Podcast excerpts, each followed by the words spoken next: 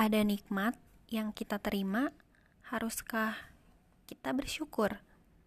Ada bencana silih berganti, sanggupkah kita tabah? Nikmat dan bencana memang menjadi rahasia. Nikmat tak perlu terlalu dibanggakan, dan bencana tak perlu terlalu disesali. Semua hanya perlu dipahami, dipahami melalui sebuah hikmah yang tersirat.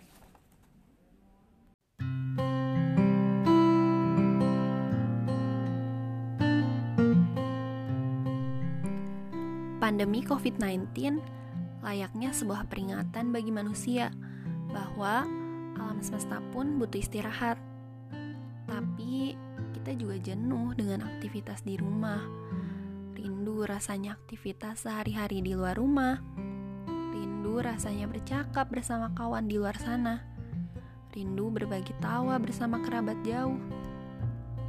Tak apa, rindu itu naluri alami manusia.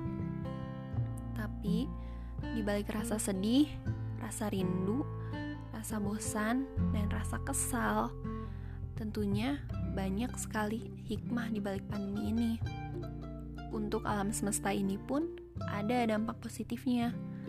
Dengan berdiam di rumah dan tidak ke mana-mana, kita turut mengurangi polusi di alam semesta ini. Tapi, pernahkah kita berpikir apa yang akan berdampak pada alam semesta setelah kehidupan kembali normal.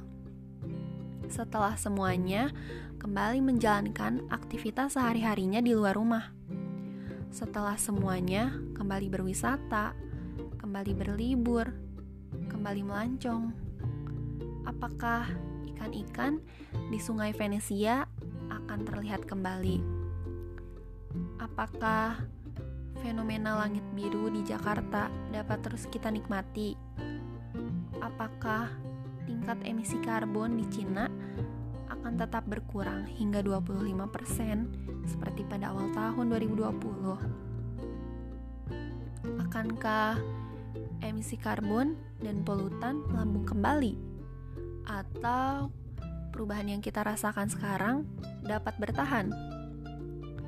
Dan itu semua bergantung pada diri kita masing-masing jika kita terus melestarikan alam semesta dengan gerakan kecil saja, seperti mengurangi penggunaan bahan dari plastik, tidak membuang sampah sembarangan, mematikan lampu jika tak digunakan, dan membeli produk lokal tentunya.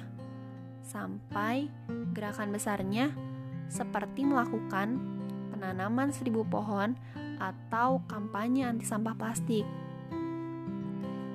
Atau mungkin banyak perusahaan yang memperbaiki perekonomiannya dengan menjalankan aktivitas industri secara konstan dan tanpa henti. Memang, ini pilihan yang sulit. Di satu sisi, kita perlu memperbaiki perekonomian kita, tapi di sisi lain, sayang sekali jika polusi yang menurun selama masa karantina kita sia-siakan dengan aktivitas yang merusak alam demi pemuas kebosanan selama masa karantina. Pilihannya, kita melakukan gerakan kecil yang nantinya berdampak besar pada alam semesta. Ayo, lekas bergegas bersama dan tinggalkan jejak busuk yang memberi pengaruh buruk terhadap alam. Ayo kita bergerak bersama melawan krisis iklim kita, makhluk hidup, sangat bergantung pada alam. Ketika kita memberi kebaikan pada alam, dan alam pun akan memberi kebaikan pada kita. Maka, terus rawatlah alam semesta, karena kita tak pernah selesai merangkum keindahan yang ada pada alam semesta. thank you